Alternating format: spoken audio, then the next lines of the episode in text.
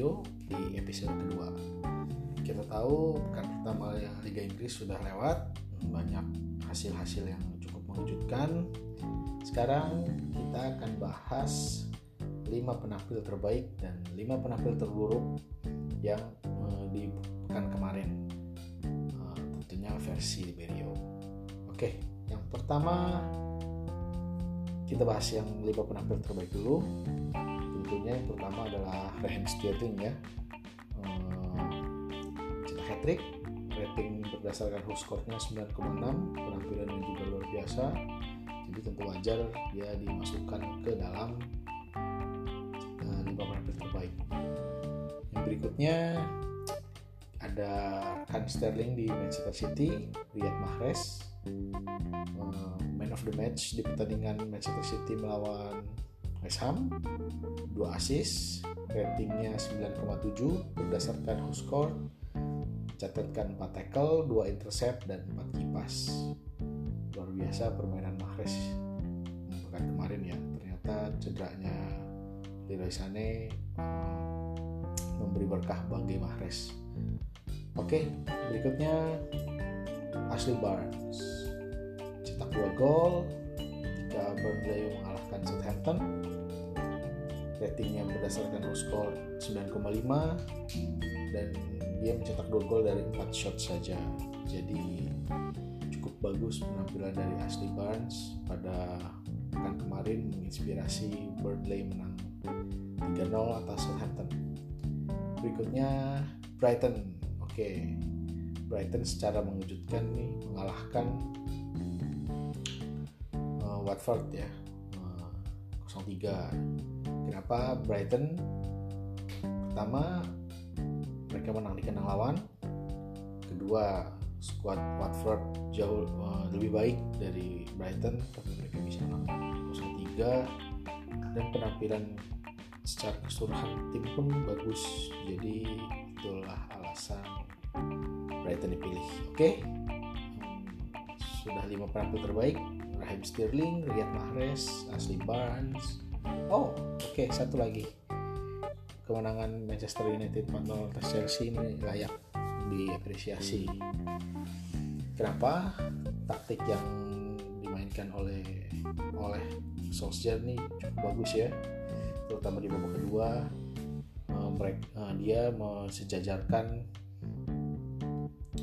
uh, Marcus Rashford dengan guys pertahanan Chelsea sehingga taktik Chelsea bisa diatasi dan ditekan uh, taktik Chelsea yang seperti apa nanti akan kita bahas di segmen berikut. Uh, jadi oke okay, itulah yang tampil terbaik kelima ya.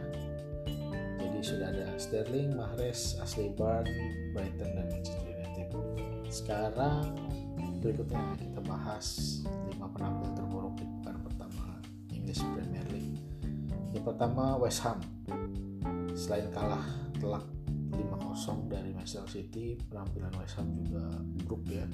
Padahal mereka sudah menggelontorkan dana yang gak sedikit untuk membeli beberapa pemain. Salah satunya Sebastian Haller atau Pablo Fornal tapi keduanya tidak bisa berbuat banyak ketika West Ham dikalahkan oleh Manchester City. Kalahnya juga cukup telak 5-0 oke berikutnya ada Grant Hanley back Norwich City ini mungkin salah satu aktor utama ya di balik kekalahan Norwich dari Liverpool pekan kemarin. Kalah Norwich kalah 4-1 salah satunya dari gol bunuh diri Grant Hanley ratingnya pun berdasarkan score hanya 4,9 dan sepanjang pertandingan dia tidak mencatatkan tackle atau intercept sama sekali. Wah ini sebagai seorang back buruk deh statistiknya oke berikutnya Morgan Schneiderlin. Mungkin dia alasan kenapa Everton gak menang pekan kemarin mendapat kartu merah di menit 76 ratingnya juga berdasarkan who score hanya 5,4 selama 76 menit dia bermain hanya ada satu tackle dan dua intercept. Sangat kurang ya bagi seorang gelandang bertahan seperti Schneiderlin. Ditambah lagi kartu merahnya itu jadi ya membuat Everton kesulitan melakukan permainan. Jadi hasil imbang 0-0 melawan Crystal Palace. Oke, berikutnya ini kita bahas tadi soal Chelsea. Tapi menurut saya yang penampilan paling buruk dari Chelsea adalah si pelatih anyar mereka Frank Lampard. Kenapa? Pertama mencadangkan Alonso, Kante dan Pulisic. Wah ini agak-agak gimana ya menurut saya kita tahu uh, kontribusi Alonso dan Kante itu bagus ya. Cukup kuat di musim Chelsea di musim lalu. Uh, taktiknya pun tidak berjalan lancar. Di babak pertama Chelsea main bermain menekan. Dengan pressing yang tinggi tapi itu tidak diimbangi dengan padatan antar pemain. Eh, di babak kedua Solskjaer seperti yang saya bilang tadi meminta Marcus Rashford sejajar dengan pemain bertahan Chelsea sehingga pemain bertahan Chelsea dipaksa mengundurkan dari pertahanan. Tapi pemain tengah dan pemain depannya tidak ikut mundur tapi tetap melakukan pressing sehingga terjadi ruang yang cukup lebar ya di lini tengah Chelsea yang bisa dimanfaatkan oleh Pogba sehingga dia bisa mencetak dua assist. Pertandingan kali itu. Jadi menurut saya bukan Aspilicueta yang terburuk penampilannya di Chelsea tapi si manajer sendiri Frank Lampard. Oke yang berikutnya Arsenal. Kenapa Arsenal? Arsenal menang 1-0 atas Newcastle. Kenapa dibilang terburuk? Menurut saya uh, hanya menang 1-0 atas Newcastle United tidak cukup bagus buat Arsenal. Kenapa? Kita tahu Arsenal membeli pemain yang cukup banyak, cukup berkualitas. Ada Nicolas Pepe, dan Ceballos, dan yang terbaru David Luiz.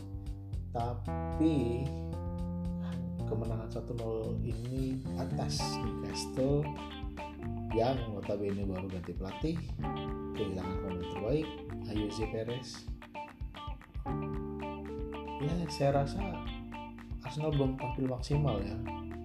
Jadi menurut saya layak masuk yang penampilannya kurang baik. Itu saja episode kali ini. Semoga suka semoga